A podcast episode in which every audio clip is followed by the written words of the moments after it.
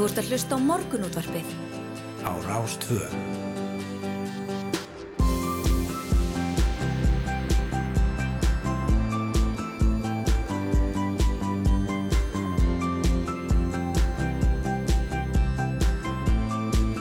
Morgunútvarpið Á Rástvö.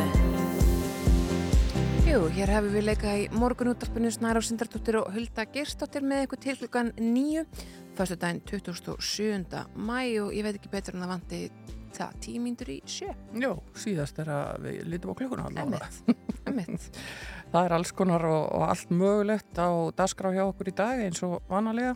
Við ætlum uh, meðal annars að uh, heyra af þessu máli Davís Þórs Jónssonar press í löganeskirkju en biskup Íslands veitti honum formlegt tiltal í vikunni vegna gaggrinni hans á ríkistjórnina og einhverjum vinstri græn vegna fyrir hugaðara brottvísana hælisleitenda. Og hann saði sérstakann staði í helvíti fyrir fólk sem seldi sál sína fyrir völd og vegtillur og Davíð þekkir helvítið vel. Hann skrifaði nefnilega meistararitgerð sína um hugmyndir manna um dauða, ríkið og húsbónda þess. Og við ætlum að ræða við Davíð Þór um stöðumála á jörðu sem og í já, kannski nákvæmlega himni, ég veit það ekki. Veit, það ekki. Á miðugudag fór 18 ára pilturinn í grunnskóla í Texasríki í bandarækjunum vopnaður hríðskotarifli og skaut 19 börn til bana. Þetta er 27. skotárusin í bandarækjunum þar sem af er ári og 200. fjöldaskotárusin.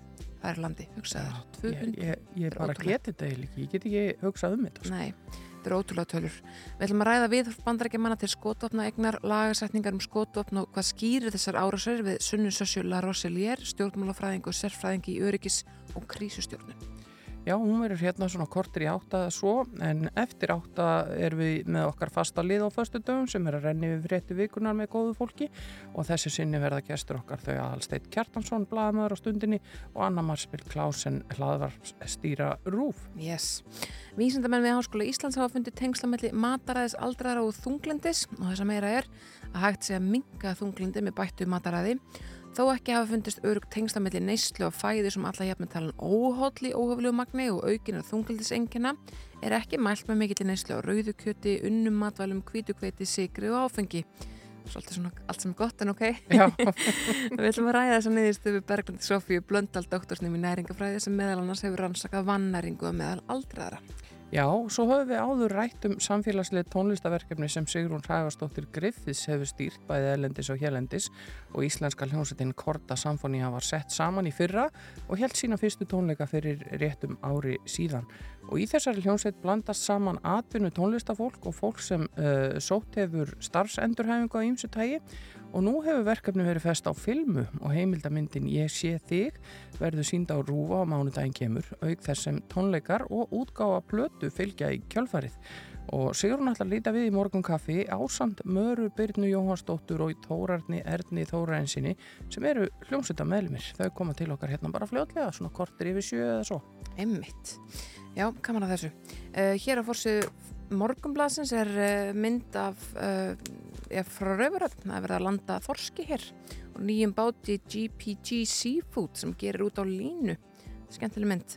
En uh, það er líka mjög áhugaverð frétt hér á fórsíðunni. Leiga ekki hækkaði tvö ár þrátt fyrir álag og markaði. Leiguverð, sem sagt húsnæðisverð, hefur ekki hækkað á raunverði síðustu tvö árin sem lítið til almenns verðlags án húsnæðislauna og verð íbúðar húsnæðis. Þetta segir Anna Hrafna Ingimundadóttir, aðstúðar frangatastjóri samtaka atvinnulífsins. Hún segir séð og viðbúið að það breytist á næstunni. Ekki síst það sem þarf að talsverðu aðfluttu vinnuhafli sem eitthvað það þarf að búa. Já, já, Já, það er ekki nóg með að það vanti vinnu afleildu vantar líka húsnæði fyrir fólki sem að, uh, þarf að vinna þessa vinnu. nákvæmlega. Uh, Stórskemtileg mynd af fórsíðu fréttablaðsins af uh, ungu, um, ungum Íslandingum hér sem er uh, í veldibílnum, svo kallaða á vorhátt í hlýðaskóla. Veldibílin er auðvitað fyrst og fremst nýtur til þess að, svona kenna fólki hversu alvarlegt það er að lendi í bílveldu en svo getur hann líka verið svolítið skemmtilegur eins og sjáma á þessari mynd. En fórsíðu fréttin á uh, fréttablaðinu er hins vegar um viðræður, meiriluta viðræður í Reykjavík segir hér í fyrirsögnum viðræður um meiriluta getur tekið tíu daga. En uh, velferðamál voru rætt í gær í viðræðum um myndun meiriluti Reykjavík. Erfiðar í málinn er látin býða Flugvöllin hefur ekki bórið á góma og fyrsti fundu borgarstjórnar verður 7. júni og talaði hinnar Þorstinsson hér Oddvita Framsóknarflóksins sem segir við höfum verið að ræða málefni barna, íþróttamál, leikskólamál og önnur mál tengd velferð barna, málefni eldrafólks og mál tengd fjölmenningar samfélagi. Einmitt. Svolítið forðunlegt í þessum, í þessa kostningabartu þá sagði Einar að þú nefnir þetta flugvillin hann sagði að uh, Framsókn væri fylgjandi því að flugvillin færi úr Varsmýri ef annað flugvillastæði væri fundið Mm. sem væri þá jafn gott Mm. uh, og það eru þetta ekki komið á, á þann stað og svo kom Sigur Ingi Jónsson innveður á þeirra í kvöldfrættum stöðvar tvöger og, og sagðist vilja fara að blása ríki af hugmyndum um nýja flugstöði í Varsmýrinni þannig að það er spurning hvort að, að þau tíðindi kom til með að hafa áhrif á Já. þessara meiruluta viðræður í dag Áhugavert innlegg í þetta minnstakosti. virkilega. Hér á forsýðu morgunblassins er uh, talað aðeins við Baltasar Kormáka, það er vísað inn á frétt hann er uh, að leggja loka hönd á nýja kvikmynd sem heitir Beast og er tekin upp að slórum hluta í Suður Afriku, hann til degi í frumskóum Suður Afriku og það er auðvitað Ídris Elba sem að leikur aðröðverk myndarinnar. Já, ídrisinn maður. Get ekki beðið. það eru ímsir og ímsar og ímis sem að uh, eru til í að sjá ídris elba á skjánum. Já, já, já, já, já, ég er bara algjörlega, ég er eina af þeim.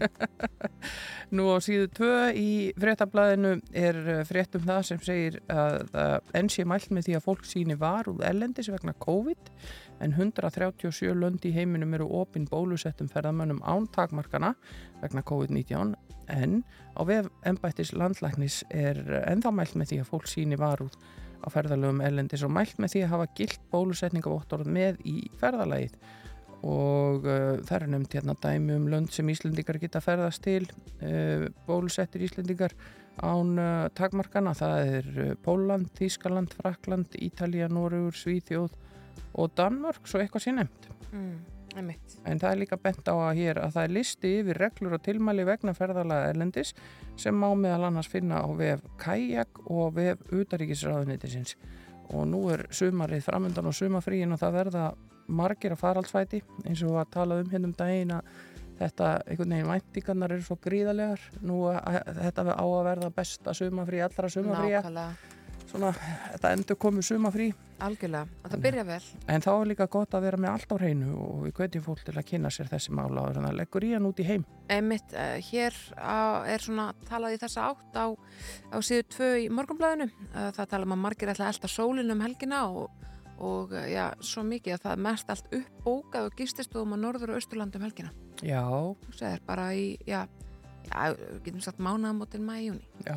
Ég var einmitt að tala við hann Guðmund R, hérna tónlistamann uh, í Neskjöpstað í gær og uh, hann, ég spurði hann hvort hann held að þau, þau fengju allt góða veðrið aftur fyrir austan og norðan í sumar.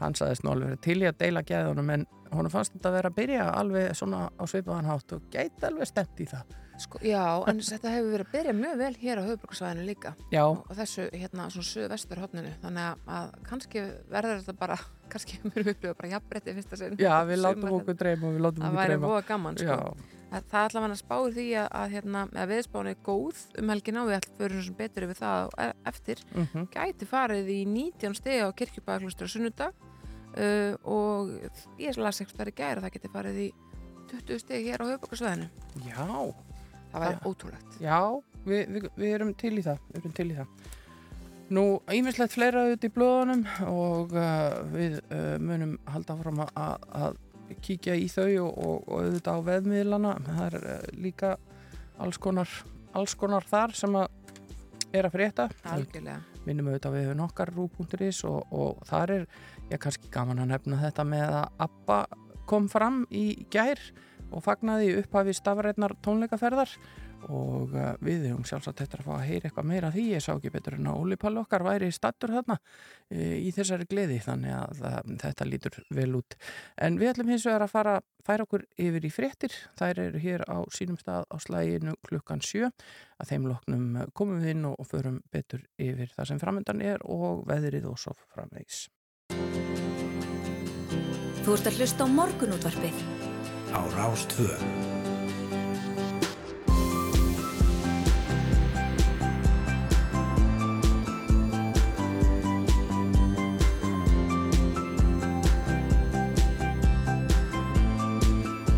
Morgunútvarpið á Rástfö. Já, við bjóðum góðan dag hér á Rás 2. Þetta er morgunútvarpið að sjálfsögðu og uh, við bjóðum góðan dag og, og förum á stað bara svona með brosa vörin í þessa viku. Það er mánudagur og... Nei, nei, nei, nei, nei. Nei, það er förstu Það er dagur. förstu dagur. Hvað er í gangi? Svona er ég, svona er ástandið á mér orðið bara eftir undanfærin mánu. Það er förstu dagur. Það er ennþá betra maður. Ha. Við fyrir bróðsandinn í þessa helgja, veistu hvað? Já, já, að minnst það kosti, ég bara byggst forláts. Ég held ég þurfa að fara að fæða fram aðeins og leggja mig. Kem svo eftir smástund. En það er föstudagur. Já. Hvað ég ætti nú að vita það. Við ætlum að vera með frétti vikunar og ég veit ekki hvað og hvað það eru fasti liðir hérna á föstudagum. En, uh, meira ruglið maður. Jæja, en við Ég ætlum verði að að... hætta að hlæja. Já, bara, ég annars loka ég fyrir hljóðum að þín.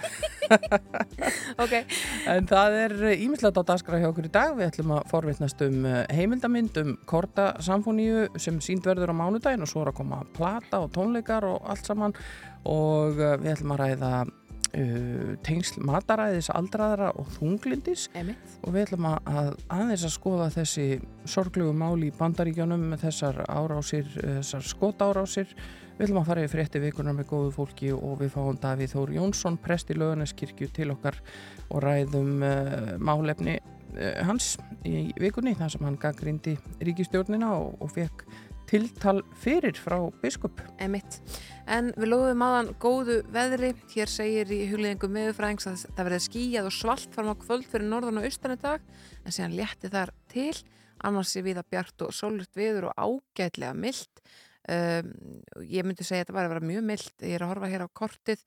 Uh, að hádegi þá spáir uh, 12 stiga hita og 3 metrum á sekundu hér í Reykjavík og það er svo sem uh, í Árnes er 14 stiga hiti 3 metrar á sekundu. Það er sólríkt bara á já, stórum hluta landsins, ekki á norðausturhóttnunu og þannig helst það alveg bara fram á kvöld. Það bætir í sólina ef eitthvað er eftir því sem að líður á daginn og fleiri, fleiri já, bara all landið fær sól í dag og sko heiðskýrt og, og já, lítinn vind og ágætis hita tölur og helgin verður bara með bestamóti. Já, það hljómar vel.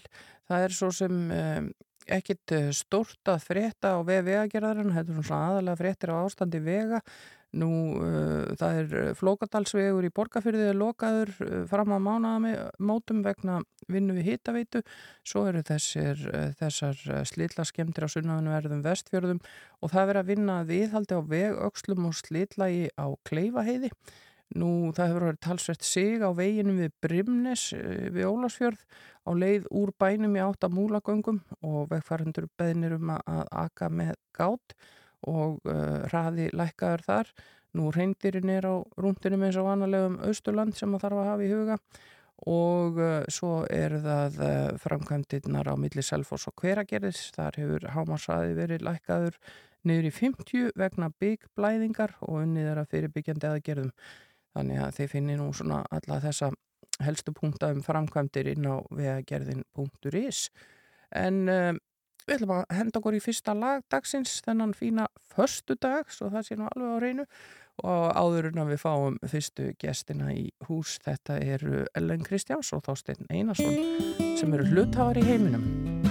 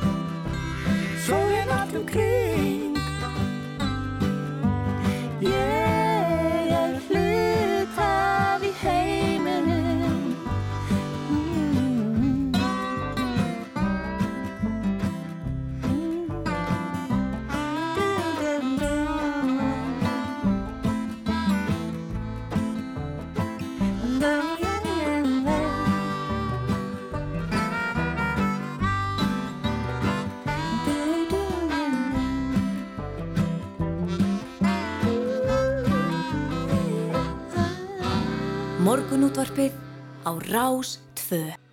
Jú, jú, áframhaldum við hér í morgunúttarpinu. Hulda, það er verið að greina frá því hér á Vísi að höfundur og flýtindi þjóðatíðalags Vestmanna er á 2022 sé Klara Elias. Já, Yes, þetta, er, gaman að heyra. þetta er bara í annað sinn sem að kona semur og flyttur þjóðatíðalæð. Já, ég laka til að heyra, heyra nýja þjóðtílaði þau á nú mörg hver aldrei fessi sessi og, og, og lifa góðu lífi. Já, heldur betur. Uh, þetta, sem sagt, fyrsta konan var Raka Gísla á 2017 með lagi Sjáumst, en Klara, þetta lag kemur út 7. júni, tveim mánuðum áður en að þjóðtíð verður, haldin í Herjórstal, í fyrsta skipti í, já, segir maður tvö ára eða segir maður þrjú ár. Senni, þrjú ár og enn hefur verið aflýst tvisvar. Já, síðan 2019, Já, þetta fyrsta skipti sem að hún er haldin. það verður allt vitlaust. Algjörlega, Ég segir vissum að það er einhverju bara farin að fjárfesta í bátum, bara til að vera vissir um að komast. komast yfir, já, nákvæmlega Að- það er nú einn hausverkurinn, það er að komast út í eigu maður er Já. kannski komið með það og svo áttum að því býtuna við Ég þarf að að komast þangað Jú, jú, þetta hefur nú svo sem, þetta er orðið léttara eftir að landiða höfnin kom og það er að fara fleiri ferðir á dag en, en, já, já. en uh, ég spáði því að það verði algjörspringja í, í fjörunu þarna í dalnum og hefur nú oft verið gott. Einmitt. Lagið heitir Eyjanótt og hún segir hér að, að það skiptir sér máli að fanga nostalgíuna sem við upplifum þegar sumara kemur aftur og fyrringin í magan sem að fær þegar maður lappar inn í dalin í vestmannum Mm. sem að, að ég er endur upplifað, þann fyrring svona spenning eitthvað ég hef búin að upplifa þetta marg oft en það er orðið mjög langt síðan já. síðast kannski fer að verða komin tími á það. En uh, fyrstu gestirnir er að koma sér fyrir hérna hjá okkur. Uh, við ætlum að fá Nilsson til að syngja fyrir okkur eitt löflétt lag sem heitir Everybody's Talkin' og svo er það fyrsta spjall dagsins.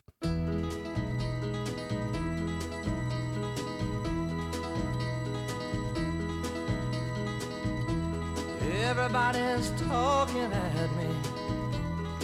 I don't hear words they're saying, only the echoes of my mind. People stop and staring. I can't see their faces, only the shadows of their eyes. I'm going where the sun keeps shining through the pouring rain. Going where the weather suits my clothes. Banking off of the northeast winds, sailing on summer breeze. And skipping over the ocean like a stone. Wah, wah,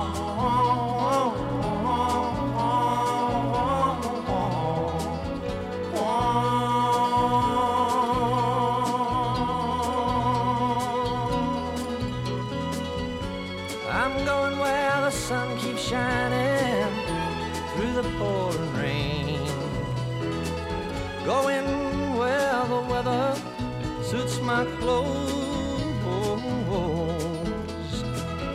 Banking off of the northeast winds, sailing on summer breeze. And skipping over the ocean like a stone. Everybody's talking at me. Can't hear a word they're saying. Echoes of my mind. I won't let you leave my love behind. No, I won't let you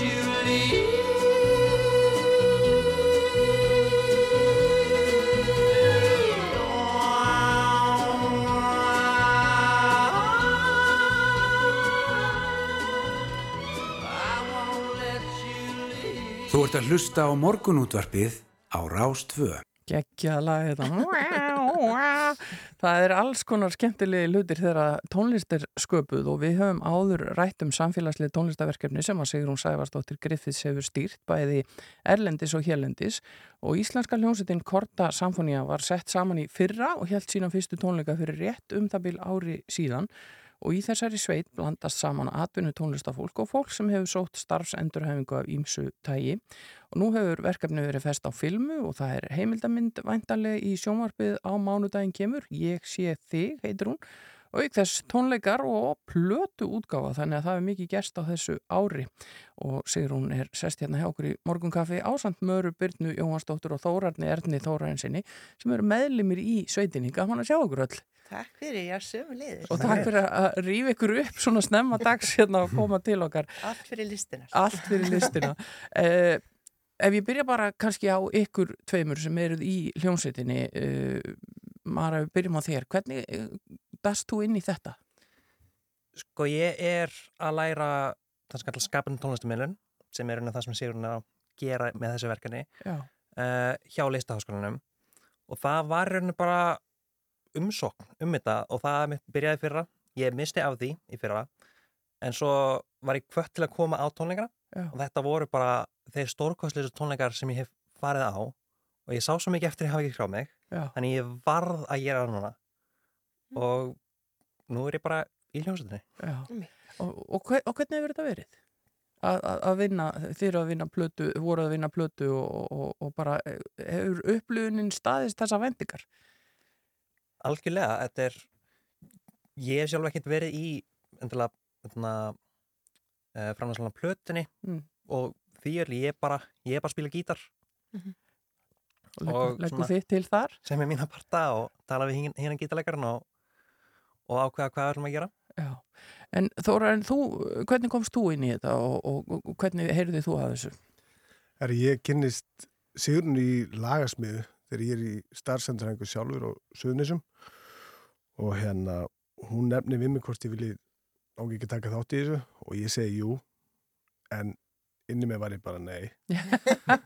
Að ég átti ekkert vona að það væri svona stórkostlegt verkefni eins og þetta er, ég átti vona að maður væri svona í líðveislu á Suðinu Já, en svo kemur ljós að það er jafn mikið hlusta á mig og, og hvert sem er sem er í hljómsveitinni það er allir jafningar. algjörlega sko Jæft atvinnum tónlistafólk og, og allir yrir. Já, og það komið svo í opna skjöldu og það er svo, og þetta er líka svo mikil einlægni að það eru allir jafnir. Já. Mm. Saman hvað það er. Sko, hvaðan kemur þessu hugmynd, sér hún, að, að stopna þessa uh, samfóníu? Sko ég hef búin að vinna við þetta erlendis í sko 25 ár. Mm. Að ég, ég, hérna, og ég stopp, við hef unnið í alls konar umhverfum, minn á geðdeldum og fangilsum og spítulum og líka í grunnskólum og allan þann pakka, sko. En svo fór ég að vinna með heimilisleysu fólki 2012 og stopnaði The Messenger sem er hljómsveitin sem ég ennþá stjórna í, í Guildhall tónlistaskólanum í London með, og það, svo hljómsveit er hálf nefndur úr listahás, úr, úr Guildhall skólum Music and Drama og hitt er fólk sem hefur einslu af heimilisleysi. Mm. og hérna og þá fóra að einmitt að hugsa þetta er ykkur vettvangur sem við getum, við getum gert þetta á fleiri stöðum sko. Og hérna þannig að ég hef kent við listaháskólan alveg nánast frá upphafi. Og fór, svona, ég er búin að vera að hugsa hvernig geti ég komið þessu að hér en svo stopnaði ég fyrirtækið Metamorphonics 2019 og það gengur út frá þessari hugmynd að stopna hljómsutir í samstarfi við listaháskóla og góðgerastofnani sem að stiða við fólki í endurhefingu Mm. og þá við byrjum hérna á söðunum sem fyrst 2018 En hefur alltaf erum- gengið að, að sko þessi svona virðing og þessi jafningakundulur sem Þórarinn nefnir, hefur það alltaf gengið upp? það, já, það er það er mitt að skapa það umhverfið, þú veist, Mhm. að, að það er mitt að, að gera öllum bara, markmiðið er að gera öllum kleift að leggja sitt allra besta fram og Mhm. fólk getur ekki lagt sitt allra besta, besta fram ef að það er einhverjar hömlur á samskiptum Já. og þessu að, að það hafa allir jafnan rétt á því að koma með hugmyndir við sköpum allt frá grunni og þar leiðandi er engin svona eh, sett hérna, veist, á, ákveðið fyrirfram hvað fólk þarf að geta og kunna og spila og allt það. Mm. Við búum þetta til þannig að við getum lagað það að getu hvers og eins Mm. og þá verður þetta líka eins og Tóti við vorum að tala um það fyrr í, í vetur, þú veist, hefðu við verið með möppu af lögum með bítlunum og Queen og eitthvað svona og sagt þetta ætlum við að gera Já. að þá hefði hann til dæmis aldrei haft að hugra ekki að leggja fram sínar hugmyndir en af því að Já. Það er ekkit rétt, það er ekkit rám þá var allt opið. allt opið sko. Uh, Þóran, uh, sko við veitum, Mara kemur auðvitað úr, úr uh, listaumkörunu og, og, og stígur inn í verkefni sem, sem slík, en hafði þú einhverja reynslu í tónlist áður en þú fórst inn í þetta? Já, ég byrjaði bara sjálfur heima að- að skrifa texta, svona hip-hop meginn í lífnu Mm. og hérna, og ég bara lærið það bara alveg sjálfur Já.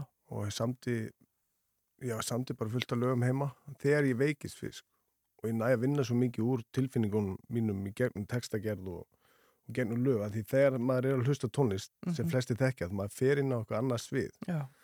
og sem mann líður betur og mér finnst þægilega til dæmis að skrifa niður texta um hvernig mér líður heldur ég að tala um það sko. Já. og þannig að ég næði að gera svo mikið upp í genn tónlistinu mér. Já. Og hvað hefur þetta verkefni bara gefið þér og gert fyrir þig? Mm, bæði, þú veist, fyrir utan hvað þetta er ógeðslega gaman að þetta hefur gefið mér bara tilgang og miklu meiri trú á, á mínum hæfileikum í tónlist Mhm. og líka bara mér sem mannesku Já. og hérna, þetta er svo valdeflandi. Já, og þú átt lög á, á, á vendanleiri blötu, það voru bara búin að vera að semja og, og, og allt í einu ertu bara komin í það að þú ert þarna bara að gefa defni á blötu. Þetta lítur að vera svolítið mögnuð upplifun. Ég, ég, þegar ég er að semja texta við það sem, við lag sem Simfó gerði, þá þurfti ég bara að stoppa og klípa mig bara, hvað vitleysa er þetta eiginlega? og ekki bara semur hann texta og, og lög á plötinu heldur er hann líka listamæðurinn sem að málaði myndina sem er á, út- á coverinu sko. Já, Já, já. Fjölhæfur mig, meira lægi.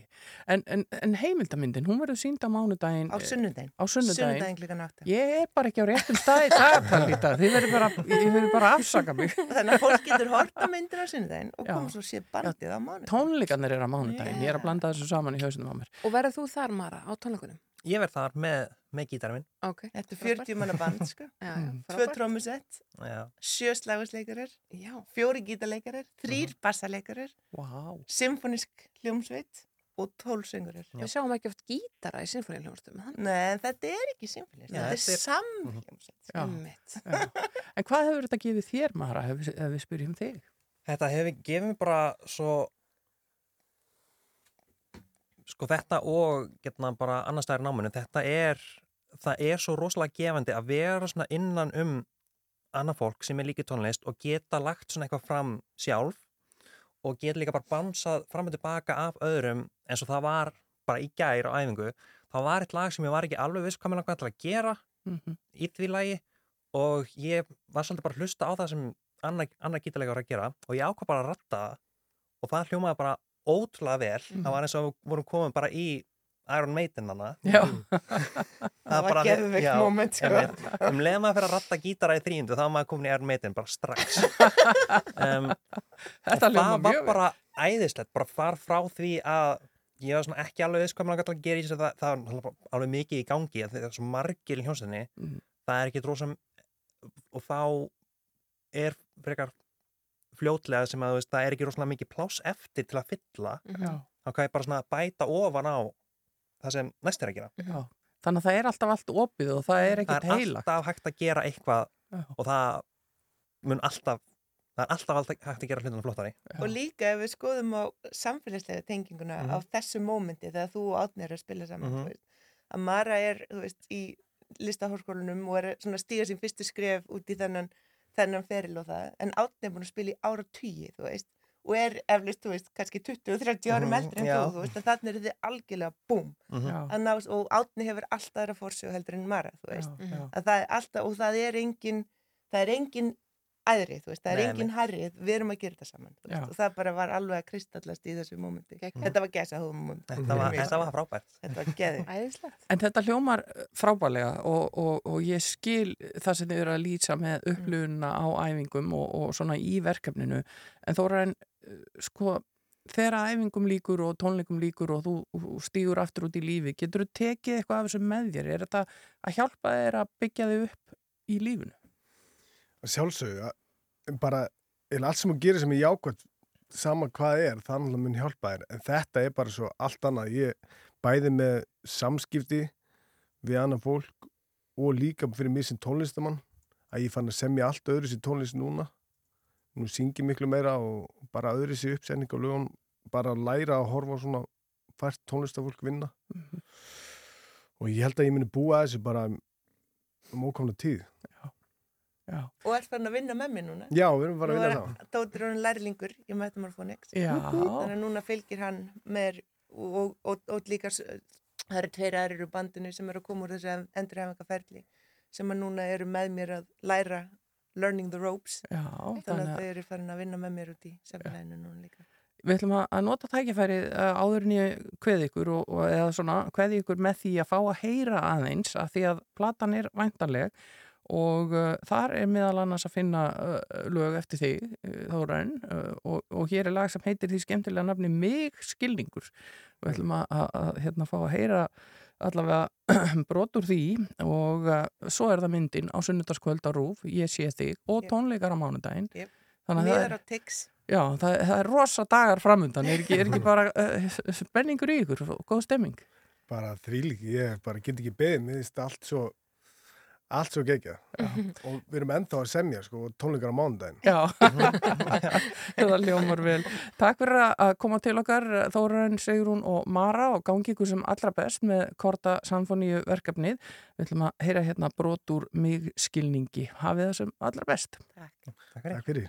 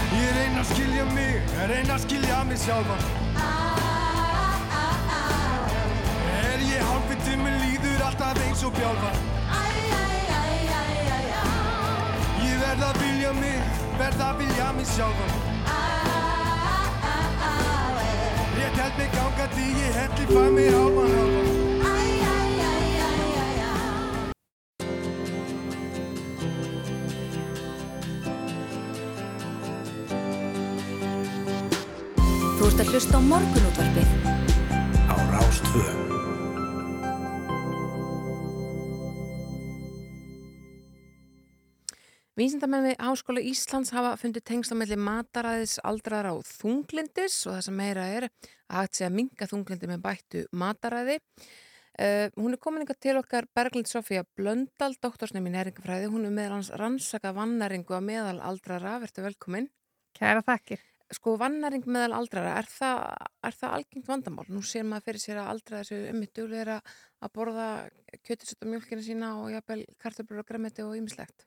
Já, og það er alveg algjörlega þannig fyrir stórun hóp en það er þarna úti hópur af höldruðum sem eru ekki að ná að næra sér nóg og sérstaklega elsti hópurinn hefur við, hefur við fundið. Og erlendar rannsóknir er að segja það að þeir sem búa ennþá í heimahúsum að þá er, er algengi svona 10-20% og svo bara snar hækkar þetta og eins og við hefum fundið bæði mastersrannsóknum inn á doktorsrannsókninni að hlutfall er í kringu 70% þeirra sem að leggja, leggjast inn á landsbytala 70%? Yes. Sem leggjast inn á landsbytala mannarðir? Já. En það lítur að vera ábyrð spítalans þá? Nei, nei, þeir koma þannig. Já, já, já, já, emitt. Og þetta er bara eitthvað sem gerist hægt og rólega. Þetta er ekki eitthvað maður vakna bara einn daginn og er honum vannarður. Þetta er Nei. bara hægt og rólega maður að borða of litla orku Já. Og þá svona saksast af manni. Já, við hefum einmitt séð það til dæmis verið að, auðlýsa á marka setja sérstaka orkudrykki fyrir aldraða sem eru Algjörlega. þá með bara mjög miklum uh, hérna, kaloríum í og, og svona mikilli næringu. Já. Þannig að þetta er algengt vandamál. Já, þetta er það og, og sérstaklega svona orku og prótein vannaring hjá öldruðum. Já. Og það er svona það sem að við allavega sjáum uh, í doktorsrannsónum minni það sem við gáum fólki semst, orku og próteinríkt fæði í sex mánuði eftir að útskrifast heim af landsbytalanum. Það hafði bara svo ótrúlega góð áhrif uh, ekki bara á sagt, líkamsþyngd og vöðvamassa og svo leiðis heldur líka á þessa andlegu þætti og þess vegna er þessi moodfood rannsó sem að e, er núna að byrta á fullu alls konar greinar og niðurstöður að þetta svona spekla sig eh, alveg í rannsókninni minni þú veist en það hefur eiginlega ekkert verið skoða áður hér á landi svona almenlega Mhm. þessa andlegu áhrif. Og hvað skýrir, ja, hvað skýrir þessa vannaringu? Við byrjum bara þar hjá aldrei. Sko þetta er alltaf, ég hef aldrei fundið einhverja svona bara þessi ein ástæð. Þetta er alltaf svona eitthvað flóki samspil. Þetta getur verið sko einmannaleiki, e, bara maður er þreytur á því að elda Mhm. og langar ekki elda fyrir sig einan eða fyrir tvoðala, jafnvel. Um, það er minguð hungurstilfinning með auknum aldri.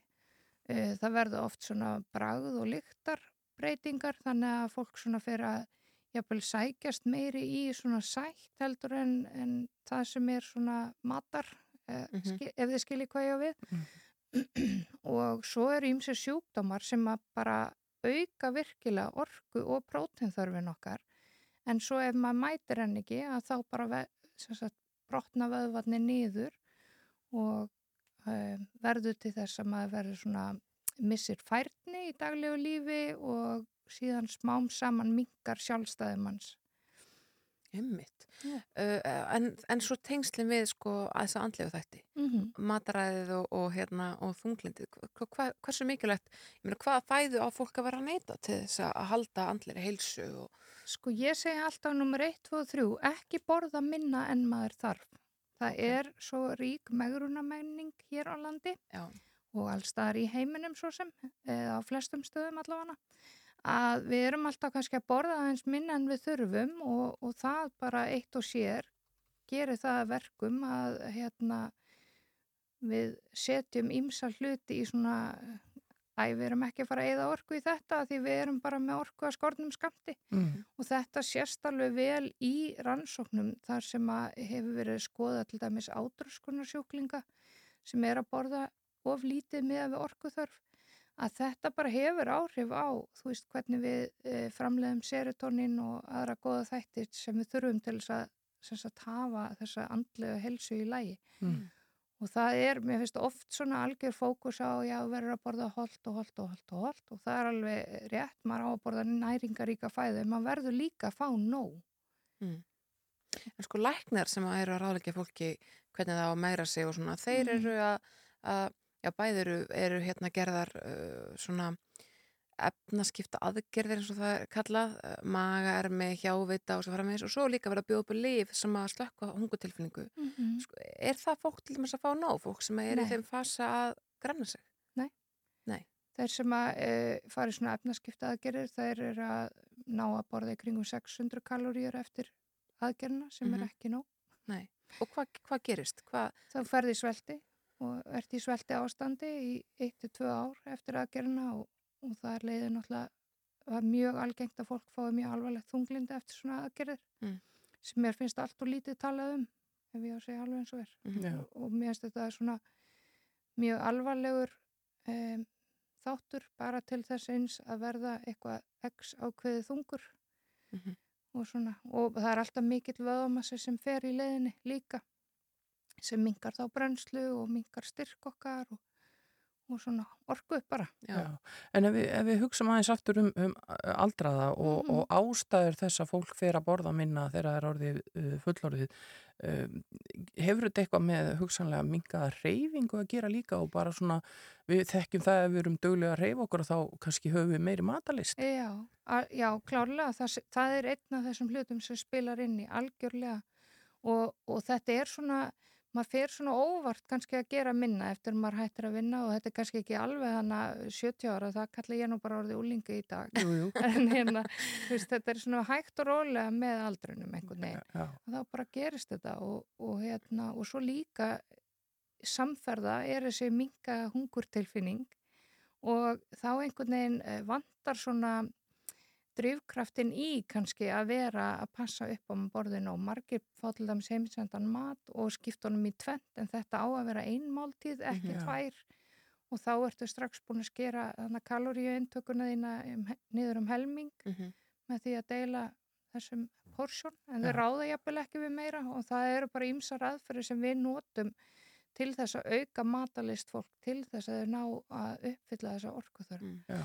En ættu við þá uh, sem erum aðstandendur eldra fólks Já. að fylgjast betur með þessu bara hreinlega að, að fólki okkar sé að borða nú Algjörlega ekki spurning og bara líka það sem ég er búin að sjá því nú vinn ég upp í helsuvend og er þar verið með svona í helsugæslinu þar svona helsu hérna eflandi móttöku fyrir aldraða þar sem við skoðum þetta og ég tala við hvern einn og einast sem kemur þar Mhm. og einmitt bendiðum á þetta nú er ekki tíminn til þess að missa þyngd Nei. nú er ekki tíminn til þess að minga orku og próteinintöku að því að það bara leiðir af sér þetta orkuleysi þunglindis, enkenni mingaðan vöðvastyrk og bara getur mann svona í daglega lífin Mhm. Við sjáum þetta að aldrað fólk það, það hérna svona grennist eða, eða hórast jafnvel með aldrinum. Já. Er það ekki um, eðlilegt ferli og hluta því að eldast? Nei. Það er bara ekki þannig. Nei, það á ekki að vera það. Það er bein afleðing þess að það er að borða of litla orku og prótein. Einmitt. Berglind Sofía Blöndal, dóttorsnemi næringafræði, takk kærlega fyrir komuna í morgunúðarpið. Takk kærlega fyrir mig.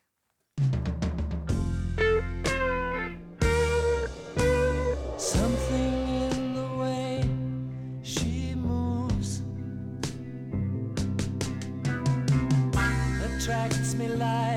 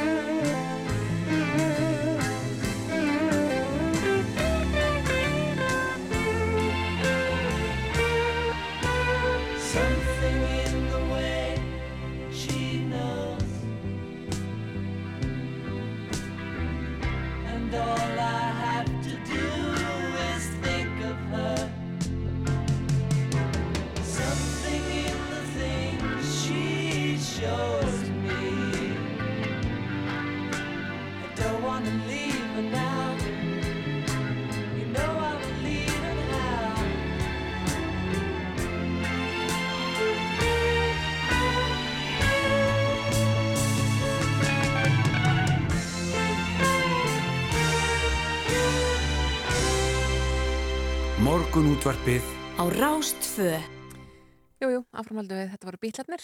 Já, uh, virkilega fallit lag úr þeirra góða safni, heitir Something. Einmitt. En eh, við ætlum að beina sjónum okkar aðeins til bandaríkjana. Á miðugudag fór 18 ára pilturinn í grunnskóla í Texas-ríki, opnaður hríðskotarifli og skaut 19 börn til bana. Þetta er 2007. skot árásin í bandaríkjunum þessum aðver ári. Hún er komininga til okkar til að ræða þessi mál. Sunna Sasja La, La stjórnmálafræðingur og sérfræðingur í örygis- og krísustjórnun. Vertu velkominn. Góðan daginn, Dumur, takk fyrir að fá mig.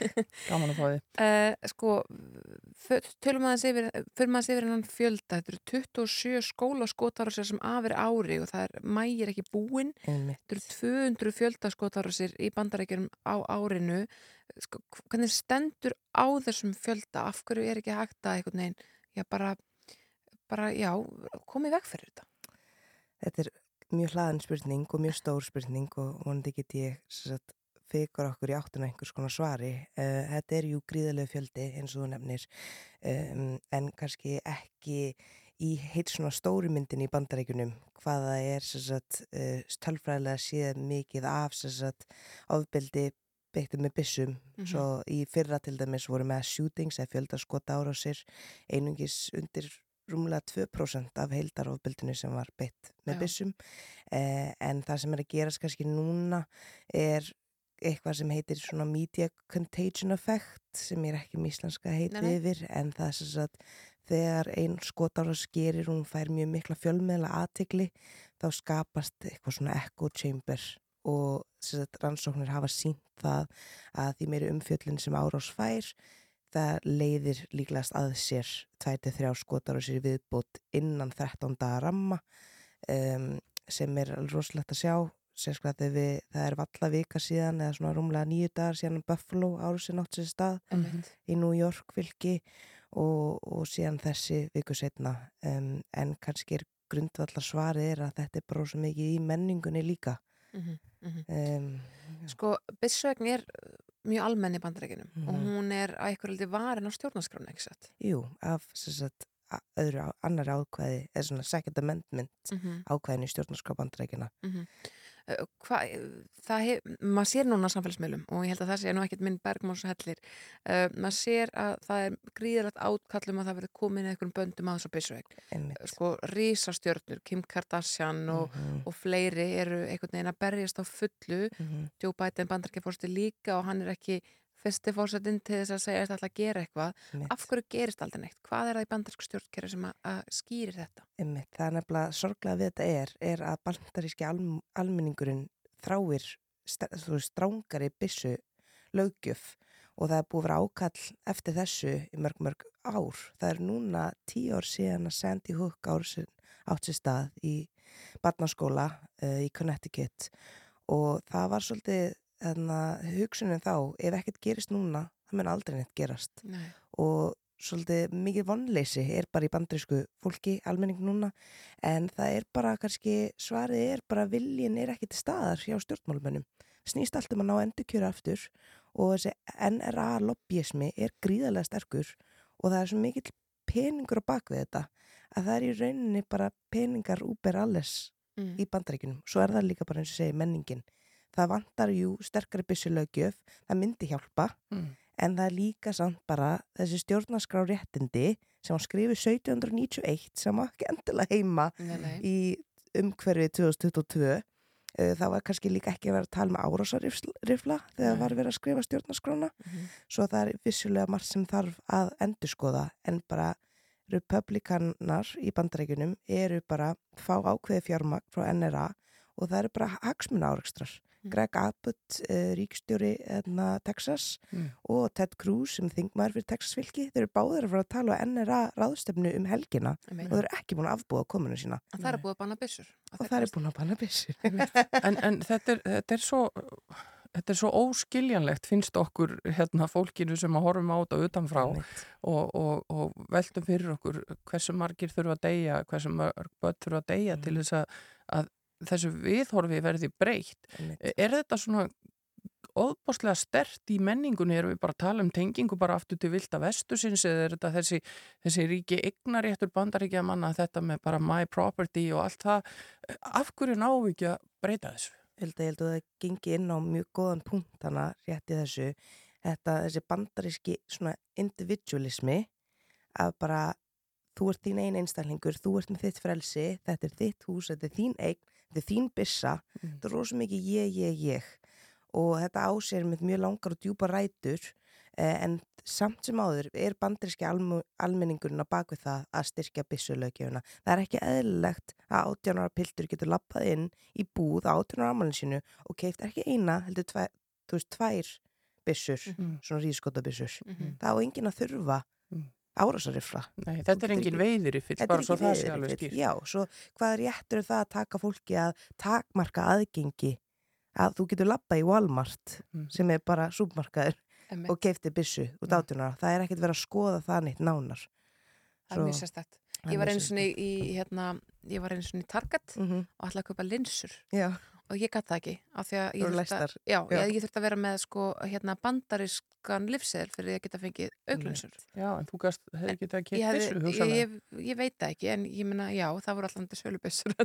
Já. Eða ég get labbað inn í Target og keft, eða þú veist, ég get já. labbað inn í samskonarbúð og keft byssu og það er ekkert verið að skoða náttúrulega, er- fer eftir fylgjum. Já.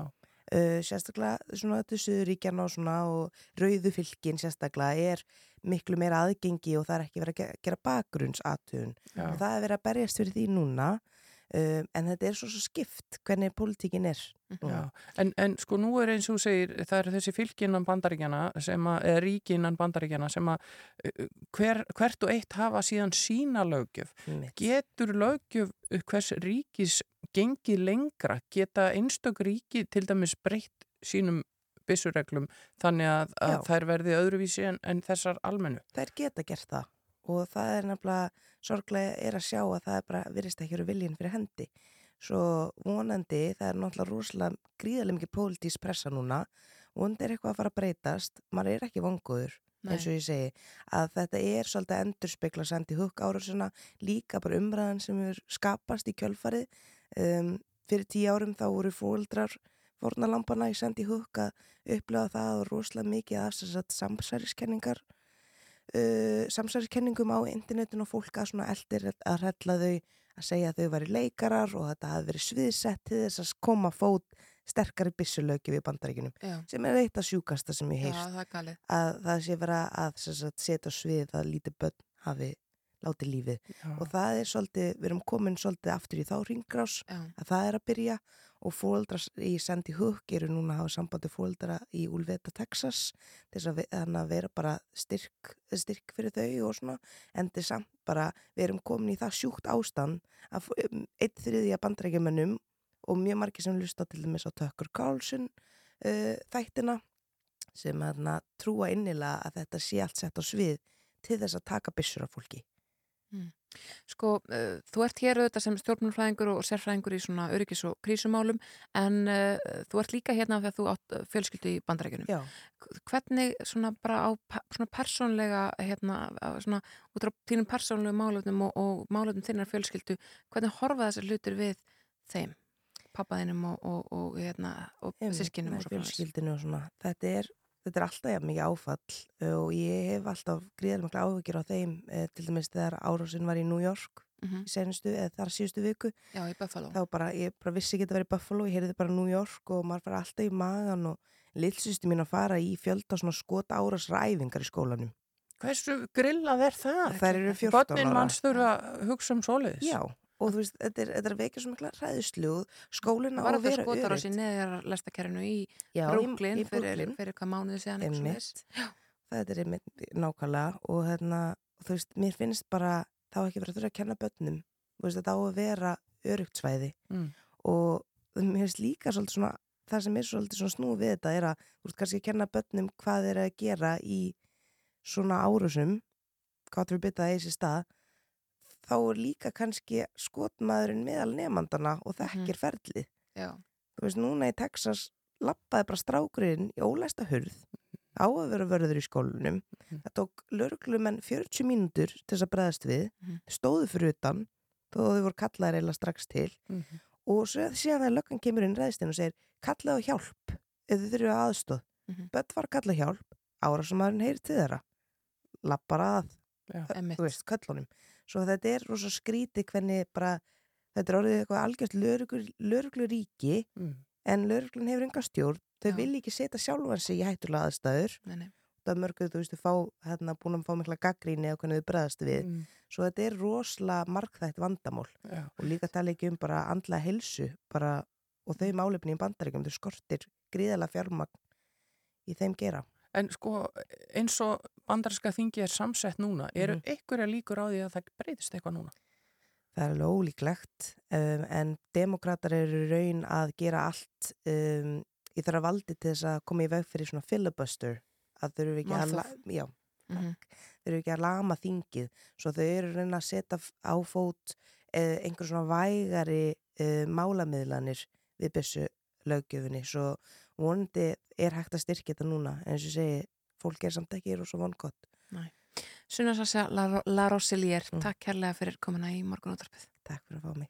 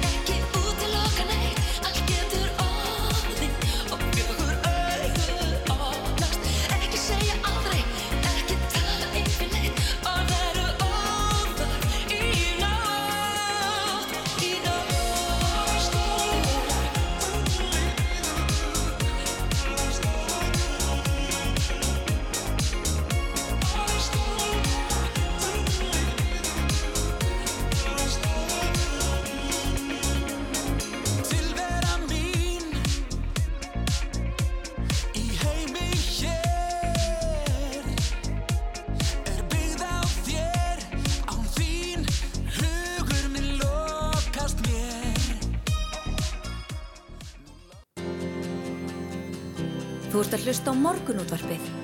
á Rástvö.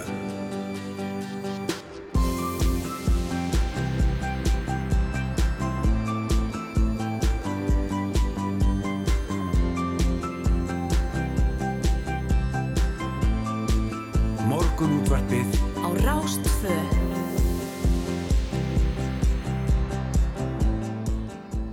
Já, áframhaldum við hér í morgun útarpunu áttafréttir að baki. Við verðum hér til klukkan nýju snæra Sundardóttir og Hulda Gerstóttir með ykkur á þessum fallega föstu degi og við ætlum að fara við fréttir vikuna núna eins og við gerum alltaf. Já, eftir áttafréttir á föstu dögum og þau eru komin inga til okkar. Aðeins Kjartansson, blaðamæður á stundinni og Anna Marsabri Klásen, hlaðvarpstýra Rúf, er þið hjartanlega velkomin bæði tvö. Takk fyrir. Um, sko, byrjum aðeins, það var svona svolítið mikið hasar í pólitíkinni, það er ótt að segja það í þessari viku en byrjum kannski bara aðeins á meirluta viðræðum í Reykjavík, það var tilkynntu það að uh, framsunarflokkurinn byði hinnum flokkunum uh, til meirluta viðræðina uh, sko, horfður á blagamannfundina aðstætt? Já, ég horfði á þetta og ég ætla fyrst að fá að gera aðtöðsandi það að eru mikill hasar í pólitíkinni. Þetta er allt ótrúlega fyrir séð þetta er einhvern veginn að spilast nákvæmlega eins og var hægt að leggja upp bara fyrir kostningar. Já, ég meina kannski bara í landsmálunum sko. Já, þeim, Já. já, einmitt, við ætlum að byrja að Ok, ég kaupi það, það þar var hasar Já, einmitt, akkurat Nei, þessar meirhluta viðræður í borginni eru eiginlega það fyrirsjánlegasta sem að sem að til er. Auðvita vilja meirhlutaflokkarnir af síðasta kjörtímabili halda áfram að vinna saman. uh, auðvitað er ekki þeirra fyrsta val að fara að vinna með sjálfstæðisflokki og flokki fólksins uh, sem hafa sko maður að segja þeir, það hefur rosalega mikil gaggrinni og hörð gaggrinni og það hafa verið ótrúlega mikil og svona ljót átök í borgarstjórn á síðasta kjörtjumbili Mhm. ekki, ekki það vestar sem við séð þegar kemur á borgarstjórn, því miður. Eh, og þetta er nákvæmlega það sem að framsóknarflokkurinn og Einar Þorstensson bara sko, töpuðu beint inn í. Það er bara að tala um, herðu, nú þurfum við bara aðeins að slaka á, vinna saman, samvinnu hugsunin eða með einhvern veginn hérna 100 ára sögu um að tala alltaf um að vinna saman og fólk kaupir það bara uh, þau fá fjóra menn inn. En, en svo hvað? Á, á einar að fara að vinna með uh, hvað maður að segja þeim sem hafa já, verið svona gaggrininn og svona ótrúlega hérna, ósamvinu fús uh, eða á hann að fara að vinna með meirhlutaflokkunum sem sko, það hefur sérstaklega verið gaggrind í, í, síðustu tvö kjörtumbil hvað eru margir að stjórna og vera að tala um þetta Reykjavíkum módel sem sé svo hræðilegt en ég, ég veit ekki, er þetta ekki bara einmitt samverju stjórnmál þar að koma margir ólíkir flokkar eh, sem hafa einhvern veginn tala sér niður á eitthvað?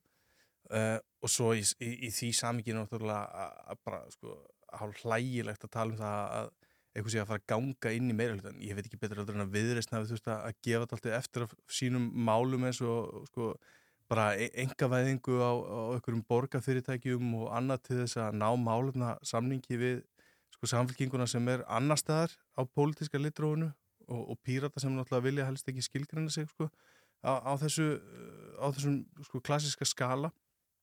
Auðvitað er, er engin feignari heldur en viðreist að geta sagt er, já nú erum við komið með framsóknarflokkin og hér þurfum við að semja upp á nýtt. Þetta er ekkert samið meiri hluti og bara kjánulegt að tala sluðis eh, og þá er ég búin að fá að ranta þessum En sjálfstæðsflokkurinn virkar kannski líka ekki eh, neitt svo rosalega svona spennandi hópur til þess að vinna með þegar það er mikil óeining innan þess hóps líka í borginni að þér verist vera Mhm. og það eru einhverju sem hafa verið að segja það að sjálfstæðisflokkurinn það er, minna, það er stærri klopningur innan þeirra raða í borginni en á milli hinna flokkana í borginni þannig að það er kannski skrítið að það sé ekki reynd að fara að vinna með flokki sem að veit ekki kannski fullkomlega hvað hann vill En hver hefði líka átt að koma inn í það samstarf? Þau vantaði hvað tvo upp á. Ég, það, einmitt, ef að það hefði verið hvað, framsókn og samfélkingin eða eitthvað svoleiðis, eða framsókn, viðreist og flokku fólksins Já. nú eða VFG, en Mhm. VFG auðvitað Mm. uh, gaf það út að þau ætluðu ekki að taka þátt. En hvernig haldi þetta fari þar að segja þess að meirulta viðraður sko það, það var svolítið ábyrjandi á þessum bladamannafundi að, að það var Einar Þorstinsson sem hóf hann og sagðist að framsókn hefði bóðið hinu með og eins og ég nefndi hérna áðan og sko hann hefur samt ekki vilja segja að hann gerir kröfu um borgarstjórastólin en hins vegar gerir framsóknumann kröfu um borgarstjórastólin þú veist að hún finnst það kannski ekki alveg gáðild að setja eitthvað svona afurkosti um, haldið þið að þau getur náð saman um öll málefninu og loka metrunum þegar kemur að verkarskiptingunum þá þurri þetta þessa viðraður upp Ég held að þessar viðræðar hefði ekki farið að staða nema að, að það væru allir vissir um að, að þeim er því lent. Já. Dagur og Dóra eh, vita það að þau eru ekki að fara í samstarf með sjálfstæðarfloknum og það er erfitt að fara að mynda eitthvað annað meirhlutaminstur nema þá með sjálfstæðarfloknum. Viðreisn er náttúrulega aðeins opnari fyrir þessu og það var svona örlítið komist að sjá það að sko klukkutíma eða tveimur eftir að dagur var búin að vera hérna að, að bóða þetta bandalag þessara gömlu meirhaldaflokka að þá er Þórdís Lóa átötu viðrisnar einhvern veginn mætt svona að segja já en þetta er nú Mhm. bara svona fyrstu dagarnir þannig að viðrisnar kannski aðeins meira til í þennan dans uh, þannig að hvati samfélkingar og pírata til þess að að lenda þessu með framsóknarflokknum eh, gefur náttúrulega færir framsókn og einari þósnæsinni svona alltaf mörg spil á hendi og einar bara, þú veist, ef ég sletti let's face it, veit alveg hvað hann er að gera. Hann er búin að vera að fylgjast með stjórnmálum og greina stjórnmáli mörg, mörg, mörg ár. Hann líka lærður stjórnmálufræðingur eh, þetta er áhuga málið hans. Eh, hann hefur, þú veist, þekkinguna. Og svo er hann líka góður og hefur unni við það að einhvern veginn svona presentera mál, að- að að kynna málin, að- að að útskýra. Og það er bara nákvæmlega það sem við sáum á þessum blamannafundi þegar hann mætir og, og það er meira sem vilja að spyrja "Bíddu, af hverju er það að halda hennan blamanafund og þá er einhvern veginn bara, já, það er að því að þeir sem voru undan mér hérna, þeir voru ekkert nógu góður að tala við fólkið og hleypa fjölmjölunum að sér Mm. og, og bara strax er hann bú, búin að hérna, svona, gefa þá áru að hann sé að standa við kostningalofrið sem var tiltölu opið, bara breytingar, bara Mhm. einhverja breytingar Mhm. og bara fyrstu dagana sem að byrtist í fjölmjölum að þá er hann einhvern veginn strax fyrir hann að gefa þá uh, mynd, þú veist að það er Já. með þá áru Einar líka maður sem að veit hvað tungumáli skiptir miklu máli. Eins og þú bendur á Snærós þetta með að bjóða Mhm. þá, eru, þá er hann að setja framsókn í stjórnsætið en hann veit líka að það skiptir máli að hann presenteri sig ekki sem einhvern valdagráðuðan mann uh, sem að hann náttúrulega þarf ekki að vera, ég er ekki að segja það. En að, að það sé framsókn sem að geri þessa kröfu en ekki hann en ég held að sé alveg ljósta einar er ekki farin úr starfi hér og mætturinn í borgamálin til þess að verða ekki borgastjóri þegar að, þegar að já, kostningarniðurstöður sína að hann getur orðið það Mm. uh, hvort að einmitt, mér finnst þetta svolítið áhugavert þetta tala um að þessi möguleiki á að, að, það verði einhver svona skipti með borgastjórastólin Sjá, sjáum það í Hafnafyrði, það er skipt á miður kjörtímbili þar, mellir sjálfstæðisflokks og framsókn, þannig að það er komið ákveðið fordami. Já, já, og það hefur náttúrulega alveg gerst Mhm. og, og þá er nú kannski kjörtímabili sem ég var að vísi hérna áðan þegar ég var að tala um að þetta eh, sko nýjafstana kjörtímabili eða það sem klárast núna um mánamótin er ekki það svona róstur samasta í, Nei, nei.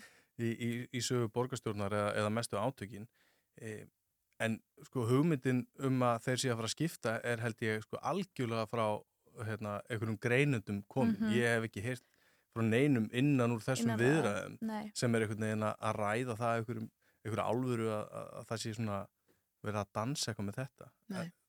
Já, ég, hafið þið heyrt það? eða? Nei, nefnilega ekki. Mér finnst þetta nefnilega þessi umræða svolítið svona utanfrá komin og svolítið svona eitthvað svona, já, það gæti nú alveg, að, jú, jú, eitthvað, en uh, mér, ég væri mjög hissa ef að einar kemi ekki út úr þessu borgstjóri. Ég væri mjög hissa ef að það sé ekki raunveruleg krafa svona bak við allt það sem er sagt. En hvað með Pírata, Dóru Björn? Já, hún tók nú alveg ágætlega í það sjálf hérna í sjónvarsfréttum að, að geta tekið við þeim stóli og, og kannski á einhverjum grundvelli getur gert einhvers konar tilkall til þess en, en nei, ég held ekki. Ég held ekki að, að það endi þannig. Þau kannski fá stærra hlutverk inn á borgarstjórnar. Já, ég er að menna Píratar er, er, er flokkurinn úr, úr gamla meirihlutunum sem, sem að sækir í sig veðrið og, og sækir meira fylgi og bætir við sig heilum borgarfulltrúa. En þessi svona praktíski raunveruleiki að koma saman einhverju borgarstjórn sem að nýtur e, sko, stuðnings að minnstakosti þeirra sem að kusu þá flokka þá held ég að það sé alveg á hreinu að framsók þarf að fáta alltaf vel fyrir sinn snút og jafnvel sko meira heldur en að e, samstagsflokkarnir telja hann eigi inni. Bara aftur sko til þess að lenda þessu þannig að þessir flokkar nái að mynda meira hluta Mm, uh, ef við vindum okkur aðeins í landsmálinn, það, hérna, þar voru læti að, í þessari viku, það er ótt að segja það. Mhm. uh, Jón Gunnarsson og, og Guðmundur Ingi, uh, sko, það flug hérna skeitasendingar á milli kastljósi og í kvöldfrettum og tíufrettum. Um, þetta er búið að vera, já, það er búið að vera mjög heitt út af, út af þessum fyrir, þessast, út af forsíu frett, frettablasin sem að það er að senda 300 manns úr landi sem hafa verið hér sótt hæli og svo framvegis. Uh, Hvernig hérna, haldið það að Ríkistjórnin lifið þetta af? Ríkistjórnin hefur nú lifað ansi margt Já, af. ýmislegt. Það er bara, þetta er eins og að kasta vatni á öndi eða eitthvað. Sko. þetta er öruglega ekki alveg málsáttur.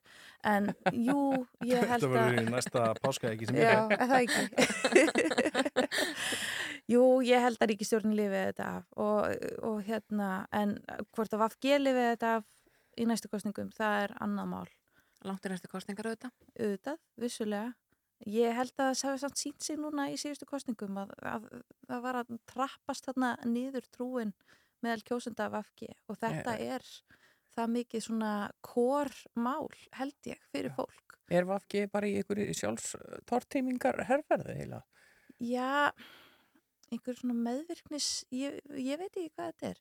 svo áhugavert að heyra alltaf tala um að við verðum að hafa, horfa á stórumyndina, er það ekki það sem að Katrín segir, við verðum að horfa á stórumyndina, stórumyndin, stórumyndin og sko stórumyndin væntanlega eins og, eins og ég skil hana er svo að það er ekki endilega allir þessir aðeinar sem að koma hérna sem flótamenn sem að kannski passa inn í þetta flótamanna kerfi að fá þá umleið og ferð á stöðu og þá ferðu ákveðin stuðning og ákveðina svona, það er ákveðin fjárútlát sem að fylgja því fyrir rík- ríkið.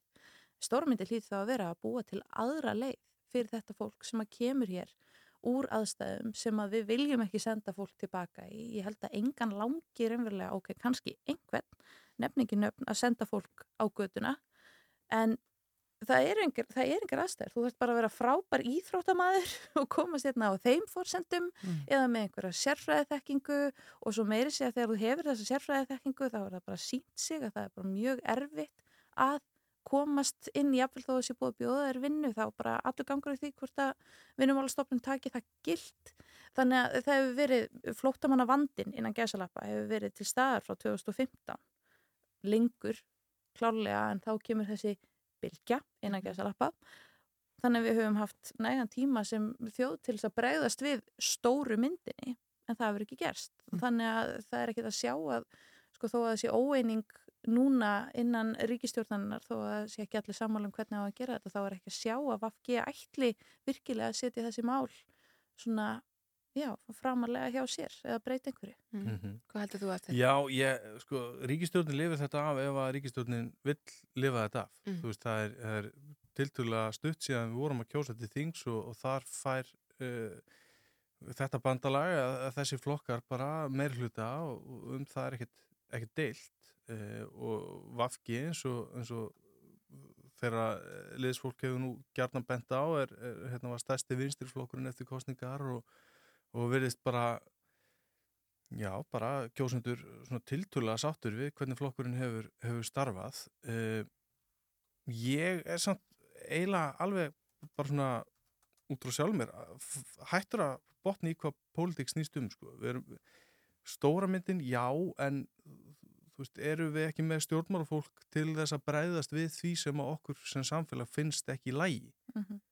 Og ætlum við þá að, að segja, já, nei, við ætlum ekki að bregðast við þegar okkur óbýður eh, að því að það er svo vond að bregðast við þegar maður reyður uh, ég, já, ég, þú veist er, er þetta er ekkit klikkað, bara svona í alvörunni, er, er ekki skrítið að við séum bara tilbúin að horfa upp á eitthvað sem okkur finnst raunverulega rámt og þá er ég náttúrulega að tala um þann hóp sem finnst þetta raunverulega rámt af því að eins og, eins og eh, þú ert að nefna að það er alveg ykkur sem, finnst þetta bara í góð lei og, Mhm. og, og standa bak við það og hérna, látum það bara líka millir hluta Það er ekki með háar hópur.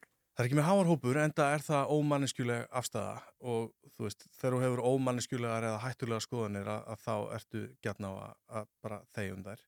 E, en út af hvað gengur pólitík ef þú ætlar ekki að bregðast við því sem að er ránt og fer gegn þínum gildum og því sem að þú stendur fyrir og þú trúir á. Ég er algjörlega, algjörlega tindur gagvart þessu og bara, þú veist, netfangið mitt er aðasteyna stundum.is, sendiði mér bara ef þið vitið svarið. Mhm.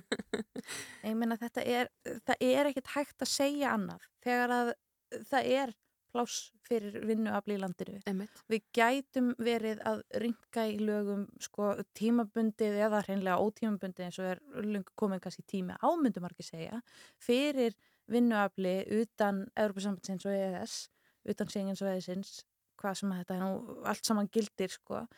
Pólverjar hafa verið okkar mikilvægasti bara, ég segi ekki mikilvægasti ég ætla ekki að fanna að dæmi um það en þau hafa haldið í okkur lífinu bókstaflega, efnahagslega og allir þeir sem að þrefu inn á COVID-dildinni á landsbítalunum á meðan að faraldurinn var í og bara held ég áfram voru pólverjar. Þannig að við sjáum það hvernig erlend vinnuafl hefur er nöðsynlegt fyrir okkur En ef að við erum í þessum gýralda, við erum að flokka þetta erlenda vinnuafl og ætlum síðan að senda fullt af fólki sem að vill vinna er jafnvel með vinnu á götuna, það, ég meina það er ekki tægt að segja að það sé einhver svona, einhver svona efnagslega aðgerð eða, eða eitthvað svoleiðis, það er bara er hérna klár rasismi.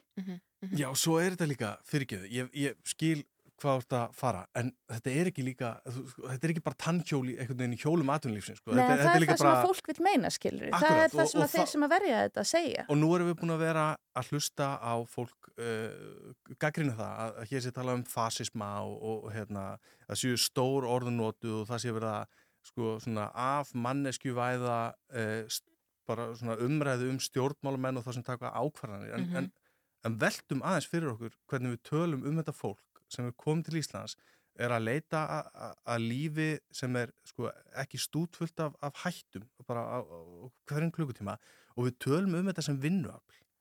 Þú veist eh, þetta er ógeðslegt. Mhm. þetta er að sko taka manneskuna úr málinu. Þetta er að, að gera þetta að einhverju öðru heldur en umræðu um fólk sem hefur bara, þú veist alveg sama rétti þess að lifa og ég og þú og allir hinn Mhm. Ég er alveg sammálaður. Já, ég, ég, ég veit úr sammálu mér en, en, en þetta hljómaði náttúrulega eins og ég var að ráðast beint þig hérna. en þetta er bara og, Íslendingar og, og, og þeir sem eru á Twitter og, og hérna, tjásu á samfélagsmiðlum og hérna, mokkablókið sem ég er enda að lesa ekki droslega vel þú veist, við erum algjörir meistarar í því að láta málinn snúast um eitthvað allt annað heldur en þau raunverulega snúast um Mhm. Og það er nákvæmlega það sem er að gerast í þessu við erum að tala um vinnuafl og svo erum við að tala um að við séum svo vond við stjórnmálumenn Aðstætt Kjartansson og Anna Marsabell Klausen, það kærlega fyrir komuna í morgunóttarpið. Við munum halda, halda áfram á, á þessum nótum hér til skamastund þegar Davíð Þór Jónsson prestur sest hjá okkur og, og ræðir uh, já, hugmyndi sínur um vítisvilt. Jú, jú, það er ímislegt tekið fyrir hér á föstu dögum og þetta segja það, en við ætlum að henda í eins og eitt lag á leið okkar að frétta yfirlitinu, þetta er Þorsteinn Einarsson og lagið Runaway.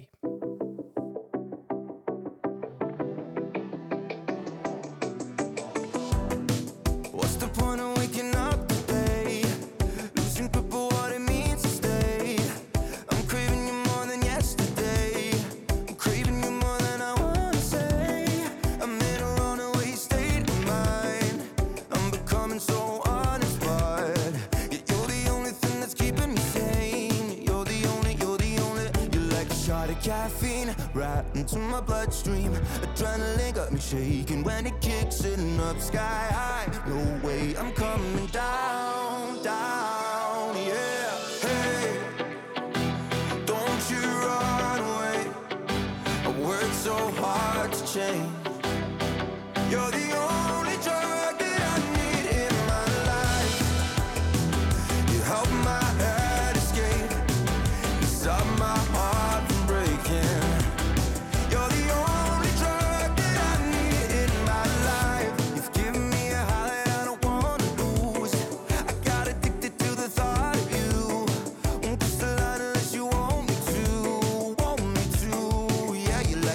of caffeine right into my bloodstream.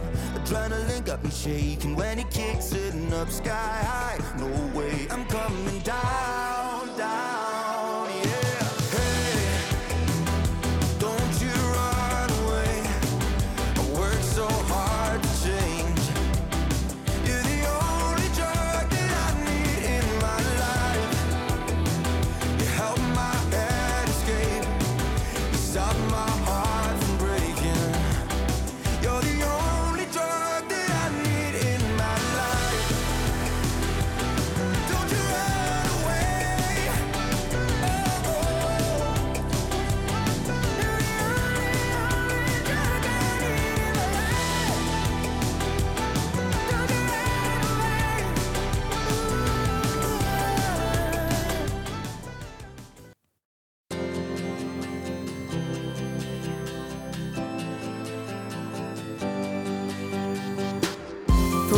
á morgunútvarpið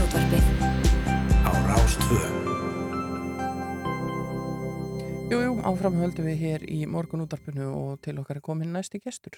Einmitt, það er hann séra Davíð Þór Jónsson, prestur í Laugarnaskirkju, en Beiskup Íslands veitti Davíð formlegt tiltali vikunum vegna gaggrina hans á ríkistjórnina og engum vinstri græn, vegna fyrir hugur að brotti svona hælsenda. Davíð saði sérstaklega stað í helviti fyrir fólk sem seldi sál sína fyrir völd og vegtillur, en Davíð þekkir helviti vel. Hann skrifaði meistararítkir sína um hugmyndir manna um dauðaríkið og húsbonda þess. Og ætlum að ræða þær hugmyndir meðal annars hér í dag velkomin Davíð. Takk. Ég þarf eiginlega að hefja leika á að ræða við þig uh, status borgarfulltrú á vinstri Gretna Lífar Magniðudóttur frá því sent í gerkvöldi þar sem að hún er reynda búin að eyða þessum status en, en ég með myndavanum, hún segir hér Davíð Þór er mjög trygguruð ég þekki svona ofbeldismenn hef elskað þá og búið með þeim og skili við þá megi þeir finna frið, frið í sálinni Mhm.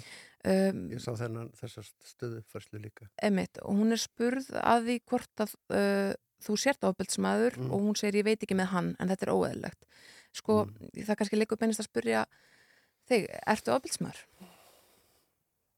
Mér þykir mjög leiðinlegt ef að ég hef með gaggrinni minni sært tilfinningar lífar Magniðudóttur. En þá leiðinlegra finnst mér að hún skuli líta, ef, svo, ef það er það sem hún er að segja, líta á, á mig sem ofbeldismann. Leiðilegast af öllu finnst mér þó að það fyrsta sem heyrist frá henni sem einum af uh, leiðtógum vinstur græna að fyrsta sem heyrist frá henni um þá ákvörðun flokksískina hennar að senda eða allavega gera ekkert til að koma í veg fyrir það sem þó væri þeim í lofa lægið senda hátt í 300 manns út í aðstæði sem ekki eru nokkur í mannesku bjóðandi þau Það fyrsta sem heyrist í henni um það mál er það hvað rausið í einhverjum reyðum kall út í bæ særi hennar persónlegu tilfinningar. Allt inn er málið farið að snúast um hana og hennar tilfinningar og hún er orðin fórnarlampið í sínu megin haus en ekki eh, þessar tæplega 300 manneskjur sem að, sem að flokkssískinni hennar eru með í, í, í höndunum hvað var þar já, í raun og veru líf og limið þeirra og, og, og framtíð og framtíðar horfur Mhm. hún er honum fórnarlambið. Mm. Uh, og þetta er, er svo sem í stíl við annað, hérna viðbröð uh, þingflokksformans vinstir græna, voru stutt og snakkarleg, hann sagði með þessari, með þessari Davíð Þóra ala og haturs orðræði í samfélaginu sem er mikið þjóðfélagsmein og það er graf alvarlegt að þjóðkirkjan skuli taka þátt í slíku. Og það finnst mér mjög, þetta finnst mér mjög áhugaverð ummæli vegna þess að haturs orðræði er mjög skýrt skilgreint hugtak. Þú getur ekki bara nota það um, um, um allt sem þér finnst dónalegt eða ósmæklegt eða særi tilfinningar þínar. Haturs or, orðræða er skilgreindur, er, er skipulagður áróður, þetta er skilgreint lögformlegt hugtak, þetta er skipulagður áróður gegn minnihlutahópi, gegn hópi fólks vegna uppruna, litarháttar, trúarbræða, kynneðar og svo framvegis. Mhm. Það er hatursáróður. Hatursáróður getur aldrei beinst gegn valdhöfum. Það sama hvað valdhafar eru gaggríndir, óvægið, miskunnarlaust, sama hvað orðbræðið er frundarlegt, sama, sama uh, hvaða síðareglur gaggrínin kann að brjóta eða framsetningarnar, eðli málsins samkvæmt getur gaggríni á stjórnvöld aldrei verið hatursorðrað einfallega vegna þess hvernig það hugtak er skilgreint. Og mér finnst áhyggjuefni að þingflokksformaður flokks sem í orðið hverðinu er að skera upp herur gegn hatursorðræðu skuli ekki skilja hugtakið. Mhm. Og það er ónýndanlega svolítið skondið að sami stjórnmálaflokkur og nú er að skera upp hatursorðræðu, nei, skera upp herur gegn hatursorðræðu skuli vera sami stjórnmálaflokkur og þótti ástæði til þess að setja útvarp sögu á ríkisframlög. Mér finnst það ekki alveg gangaði. Framgætastjóri Þingflokks Vafki uh, geistist sem er leiðist fram á ritvöllin á Twitter Mm. sagði að það væri, það hatursorðaða væri afmennskandi uh, orðræða og talaði um meðal annars það að kalla fólk fasista, það væri hatursorðaða. Ok, sko, ég vildi óska að það væri til einhvað orð yfir þá pólitík að ákveðin hópur fólks eigi ekki að njóta borgarlega réttinda vegna uppruna síns eða þjóðirnis og jafnvel hérna, að það megi flytja nauðungar flutningum í óbóðulegar aðstæður þar sem mannréttindi þeir eru virt að verti. Ó, jú, það, fyrirgjöf, það er til orði yfir þá pólitík. Það orði er mm, fasismi. Ég vildi líka óska að það væri til orði yfir þá pólitík að hérna fólki sé stilt upp við vegg og það látið gera upp á myndi þess hvort það vilji búa við tjáningarfrelsi eða atvinnuður ekki. Eða það sem kallað er berúfsferbót, að fólki sé meinað að starfa við það sem það hefur mentun og hæfileika og getur til. Og akkur skildi þetta nú vera kallað berúfsferbót? Akkur skildi orðið yfir þetta vera þýst, alþjóðlega heitið yfir þessa aðferð, aðferðafræði? Það vegna þess að þessari aðferðafræði var beitt miskunarlaust í Þýskalandi af stjórnvöldum þar eh, á dögum heimst, eh, síðar heimstyrildarnar og í aðdöðanda hennar. Þannig að það er til orð yfir þetta og það orð líka er fasismi. Mhm. Þannig að ég nota þetta orð ekki bara sem blótsyrði af því að mér hérna, að því mér líkar illa við einhvern. Ég nota það vegna þess að þetta er einfallega hugtak sem lýsir ákveðinu tegund af, af pólitík og ákveðinu viðhorfi til réttar stjórnvalda til valdbeitingar.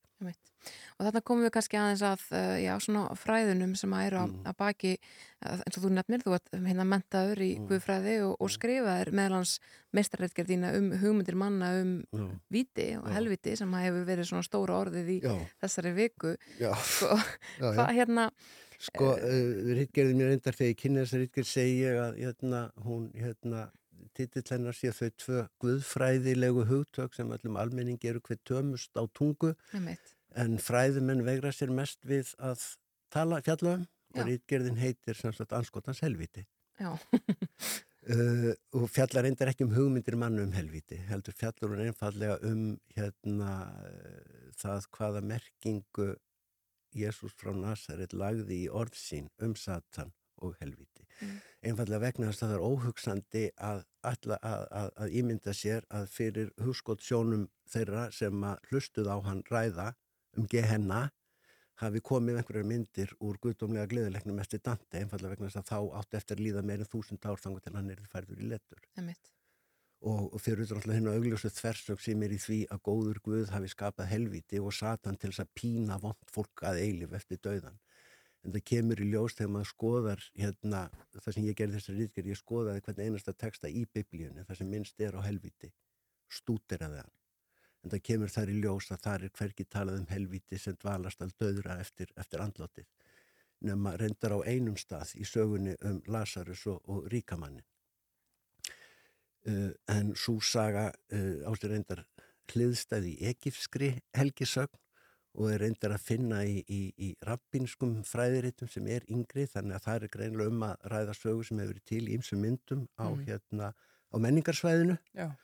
og allir fræðimennar einu málu um að sé setjum tíma viðbót það er bara textaransóknir geta Mhm. sínt það mjög auðvitað það er augljóst það er talað til dæmis í orðasambandið í faðumi Abrahams sem er orðasamband sem hvergi annars það kemur fyrir í biblíinu og bendir eindriði til þess að, að, að, textin sé tekin úr annari heimild uh, fyrir utan þennan texta þá er hvergi að sjá í biblíunni að helviti sé teiknað þessum dvalastaður uh, látins fólks eftir, eftir döðan og Jésús talar aldrei um helviti öðru sér heldur en að í næstu setning á undan og eftir tala hann um Guðsríkið. Já. Þannig að helviti er einfallega and, andstæðan við Guðsríkið. Hann talar alltaf fyrst um Guðsríkið og svo kemur helviti alltaf á móti sem andlag við Guðsríkið sem hefur gagstæða. Þú kapernám heldur að þú verður hafin upp til himins en ég segi nei þér verður steift til helvitis. Hann, þannig notar hann það. Þannig að hérna, helviti er í munni Jésu andstæðan við, við, við Guðsríkið, við ríki heilagsanda. Mm. En leikur það ekki að beinast við að ef að, ef að, að Guðsríkið er uppi fyrir þau sem trúa á, trúa á Guð, Mm. uh, eitthvað skonar himnaríki sem að það sem þú ert velunar að þá sé viti, já, fyrir neðan okkur.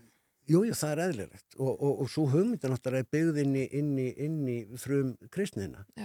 Að hérna að hérna uh, sko þetta eru, það, málið er þetta eru írönsk áhrif sem eru mjög sterk í síðgiðindómi eftir að hérna eftir herleðingunni til, til, til Babylon þegar persar uh, leggja babylonska heimsveldi undir sig frelsa hérna giðingan sem þar voru í útlöð gera hérna Ísrael eða, eða sem sagt Júteu að, að lepp ríki sínu til að hafa buffer á milli sín og, og Egiptana í suðri og þeir alltaf higgja á frekari landvinninga í vestur inn í Greikland varum snúið þar við hratt og örgla fóru sneipu fyrir inn í Greikland og fengu Alexander Mikla í, í, í, í, í bakið en sem sagt uh, þetta eru írönsk áhrif sem eru mjög ábyrjandi í, í síðgiðingdómi það er alþekkt í, í mannkynnsögunni að þjóðir kaupa sér frið við voldur í nágranna með að taka upp tilbyðislið þeirra á einhvern nátt og persar voru sóróastrianar og sóróastrianismi er, er sem sagt tvíkiðistrú. Það er hérna fullkominn dualismi að það er góður guð uppi á himninum sem að heitir Ahura Mazda. og það er vondur guð, fadir líinar ofan í jörðinni sem heitir Aruman. Og þeir senda, Aruman sendir hérna dímonas upp og, og, og hérna Ahura Mazda sendir Jasetas niður og þessar s- andaverur berjast um völd yfir sálu mannanna og þeir sem Jasetas ná á sitt vald þeir fara upp til Ahura Mazda en þeir sem að dímonarnir ná á sitt vald þeir fara niður til Ahrumas. Þetta er nú að verða svolítið flókið. Þetta er bara, ég beð Þetta er bara eftir Sárumann, hann er næstur hérna bara. Hljó, hljómar þessi heimsmynd kunnuglega? Já, já, já og nákvæmlega, er og- vegna þess að frum kirkjan ljósritarana upp úr sóraastrianisma en fyrir henni er ekki flugufótur í, í, í, í, í, nýja, nýja testamentinu. En þegar að þú talar um vítisvist og, og hérna, og hvað ertu þá að hugsa? Ertu að hugsa um eitthvað víti á er, jörðu? þá er ég að hugsa um nákvæmlega andstöðuna við Guðsríkið. Ef við viljum vita hvað Jésús meinti með, með hérna, eh, tali sínum helviti, þá þurfum við að vita hvað hann meinti með tali sínum Guðsríkið. En Vegna hvað- þess að helviti er aldrei neitt annað heldur en hið gagstæða. En hvað bara áttu við þegar þú segir að það sé sérstakur staður í helviti fyrir, já, Martin Luther King sagði að það væri sérstakur staður í helviti fyrir þá sem þeia þegar þeir standa frammi fyrir síðferðislegri krísu. Mm. Á undir slíkum kringum stæðum væri þögn glæpur. Þessi orð tók uh, John F. Kennedy upp. En hvað áttu við? meinarðu þetta fólk Madeleine allt slæmt skilið Mali- eða? Ma- Ma- Madeleine Albright sagði að það væri sérstakur staður í helviti fyrir konur sem ekki hjálpa öðrum konum Nei, sem er einhver þekktasta ég, hvað skildi Martin Luther King hafa átt við? Nei, hvað skildi John F. Kennedy hafa átt við? hérna. Hvað skildi Madeleine Albright hafa átt við? Ég á við það nákvæmlega sama og þau. Já, Þegar á er. við það að hérna, sá sem að gerir svona lagað á ekkert gott skilið, sá sem að gerir svona lagað kallar yfir sig glötun. Þetta er orðbragð, þetta er orðatiltæki, Mm. þetta er sko, fráleitt að ætla að þetta sé hótun um helvítisvist. Ég held að það þurfi alveg sérstakt ólæsi til þess að skilja þau orð þannig Mhm. og, og sérstaka vanþekkingu á kristinni guðfræði og skrítið að kristið, nafn kristið skulum við segja fólk skuli skilja hana þannig að prestar þjóðkirkjuna séu með liklavölda helvíti og séu stöðu til þess að ráða hverjir komi inn og hver eigi að gista í hvaða svítu þar til eilíðarnús. Þannig að þetta er ekki eitthvað bölvun þegar þú segir Alls, alls ekki, ég er bara, ég, ég er bara að nota orðbragð og orðatiltæki sem ég held að væri þekkt vegna þess hvernig það hefur verið notað í gegnum tíðina um að þessi sérstakur í helv, staður í helvíti fyrir þá. Veist, það er sérstakur staður í helvíti fyrir þá sem að keira hægt á vittlusri aðreik, skilur við. Þetta er orðatiltæki, það meinar engin bókstaflega það sem hann segir þegar, þegar, þegar hann talar svona. En hljófstu á þig með þessum status? Já, ég gerði það og ég er alveg reyðbúið til að gangast við því sko, en mér finnst samt hérna viðbröðin við honum ekki vera í neinu samræmi við alvarleika þeirrar yfirsjónar. Nei. Ég, mér var misbóðið, ég snögg reyttist og ég setti þennan status niður og eftir á higgja sé ég að ég hefði átt að telja upp í tíu og anda með nefinu en ég ítti á publis en hérna En getur verið að fólk hafi skilið það mjög bókstælega af því að þú ert guðfræða mentaður og að þú ert prestur? sko, vegna þess að, og á, mér langar alls bara að klára þetta, Já. ég skal svara þessar spurning líka, vegna þess að með því að setja þetta frá mér, þá allt í hennu fór, sta- fór umræðan, ekki lengur að snúast um örlög hátt í 300 manna sem ríkistjórn Íslands er að senda út í óbúðlegar aðstæður. Heldur fór það að snúast um það hvað ég mætti eða mætti ekki segja og það fór að snúast um tilfinningar, þingflokksformans vinstri græna eða borgarfulltrúa vinstri græna. Allt einu var það kvirvilpunktur umræðunar. Tala nú ekki um sko mestu smámennin sem að fannst að kvirvilpunktur umræðunar ætti að vera það hvernig tilfinningalífi mínu persónulega var háttað fyrir 20 árum. Mhm. Og þú vísar það með að þú á- áttir í ástarsambandi við uh, konuna sem nú er fórstisræðar. Já, nákvæmlega, það bara kemur málun ekkert við. Reyndar, reyndar vilju nota tækifæri og byggja starfsökunar ummælum sem eru höfðast í mér í mbl.is. Ringdi mig bladamæður í gær og spurði mig út í þessi ummæli mín og endaði á því að spyrja mig einmitt út í þetta. Og ég svara bara mjög skipt og greinlega að það kemur málun ekki við. En ég var bara ekki, ég var eitthvað ekki alveg náðu vel upplæður ég let hérna vanhugsa ummæli falla í kjölfarið sem að náttúrulega bladakonan tók og gerði að fyrirsögn. Allir var fyrirsögnu það sem ég sagði að, að umræðan ætti ekki að snúast um og, og hérna ég tek þessu orð tilbaka og ég sé, sé eftir þeim og vildi ég hef ekki sagt sagt þau að því að, að því að með þeim let ég bladamannin slá mig niður á það plan sem að mér finnst að umræðin eigi einmitt ekki Mhm. að vera á En getur verið að þessu ummæli hafi verið orðuð mjög bókstaflega? það er mjög nefnilega málið er það nefnilega að hérna, þú veist, ef einhver annar hefði tekið svona til orða þá hefði það farið inn um annað eirað og út um hitt hjá fólki en að því að prestur tekur sér orði helviti í munn að þá hérna, er það bara, þá er að setja upp ákveðin glerugu á nefið og, og það sem að segir er lesið í gegnum það. Hér er ekki hérna uh, borgari út í bæ að nota og hugsanlega misnota lögvarið tjáningafrelsi sitt. Hér er prestur, þetta kristallast einmitt í orðum þingflokksformansins.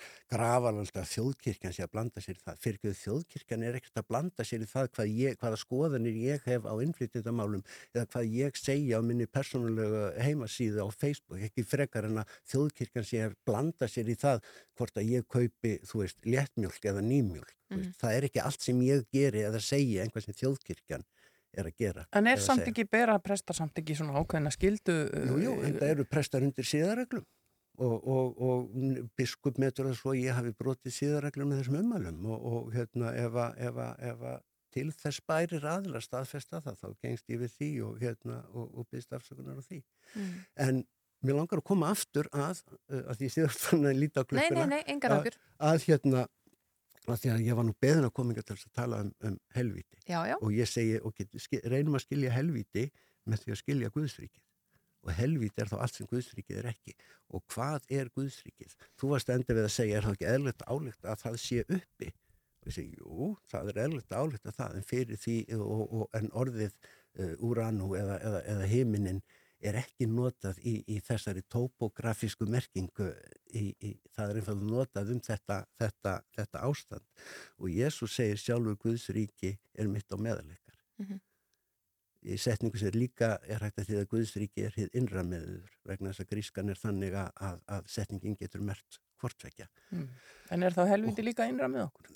nákvæmlega eða mitt á meðal okkar ef að það er ef að, ef að, ef að, það, ef að þær ákvarðanir sem við tökum um það hvernig samfélag við viljum byggja eru rángar þá verður samfélag okkar að helvíti en ekki að kærleik samfélaginu, ekki að Guðsriki, ekki að því samfélagi heila sanda sem að, sem að Jésús Kristur boðar og hvetur okkur til þess að, að koma okkur upp og þá verður það sem að er innra með okkur hinn, hinn fullkomna andstaða við Guðsríkið Mhm. sem að Jésús segir að sé innra með okkur þannig að, mér hefur verið leiða hálsi fyrir að trúa ekki á helvíti. Það er alramt, ég trúi svo sannlega á helvíti. En helvíti er ekki ofan í jörðinu undir fótunum á okkur, þar finnur bara hraun og kviku. Helvíti er þar sem að Guðs vilji þar sem kærleikur og mannúð eru virtað vetti í þar sem að, þar sem að, þar sem að mannréttindur fótum tróðið þar sem að hvergi er vonar glæta miskun eða mildi ég get alveg sagt þér nákvæmlega hvar helvíti er. Uh, líf hvenna í stríðshrjáðum héruðum í Sómalíu er helvíti. Að alast upp sem flóttabarn á götum úti á Greiklandi er helvíti. Og það er ekki ég sem er að senda fólk til helvítis hér. Það er ríkistjórn Ísland sem er að því. Og ég hefur lögvarinn rétt til þess að láta í ljós skoður mín á því og, og mér er svo misbúðið að ég hef kannski notað til þess að tjá skoður mína eh, stærri orð en ég hefðast að gera einfallega vegna þess að viðbröðin við þeim afvegalitu umræðum. Þú talar hérna í áðan í byrjun við þar sem sem uh, atvinnuriki þitt hefur áhugjur af því að þessar skoðanir munu ógna því. Tiltal er grafalvarlegt mál en málinu er lokið að hálfu biskup og ég treysti því bara svo, svo sé. Mhm. En hérna uh, ég heyri ótrúlega marga og með þessi stjórnmálamenn tala þannig að ég eigi vegna þess að skoðanir mínar eru þeim ekki þóknanlegar ekki að hafa rétt til að gegna því starfi sem ég gegni og hef mentað mig til. og þú er ágjur að það lái hafi mér hver sem vill að hérna að finnast það svolítið óþægilegt. Davíð Þór Jónsson, prestur í Laugarneskirkju, takk kærlega fyrir komuna í morgunútarpið. Takk fyrir að bjóða mér. Við erum komin að lókum hjá okkur í dag. Við ætlum að spila hér lag í lókið með Deep Pets Mode eh, og það er ástæða fyrir því, held að. Já, það bárust þau sorgartíðindi í gær að, að hljómsveitamæðlumur þar uh, Fletch eins og hann var kallaður uh, væri látin uh, fyrir aldur fram og uh, hann má búast við því að margir muni minnast hljómsveitarinnar í, í dag og, og uh, tónlist hennar uh, hljómi víða. En uh, við erum búin að koma víða við í morgun útarfinu morgun, við vorum einmitt á tónlistarlegum nótum í upphafi þáttar þegar við heyrðum af Korta Samfoníu uh, verkefninu sem að er á mikilli siglingu, tónleikar á mánudaginn, heimildamind á rúf á sunnundaskvöld og svo rættum við uh, tengsl uh, mataræðis aldraðara og þunglindis og rættum tölvört um vannæringu aldraðara sem er mun algengari en, en uh, fólk er ráð fyrir. Við rættum líka ástandið í bandaríkjónum og skota ára sér þar og kíktum yfir fréttir vikunar og enduðum svo eins og þið heyrðuð á því að spjalla við Davíð Þóri Jónsson prest í löganis kirkju. En lokalagið heitir It's No Good, við þakkum fyrir okkur og segjum góða helgi, því það er nefnilega föstudagur sko. Þetta og ég hafi aldrei að vera mánudagur. Góða helgi, takk fyrir okkur.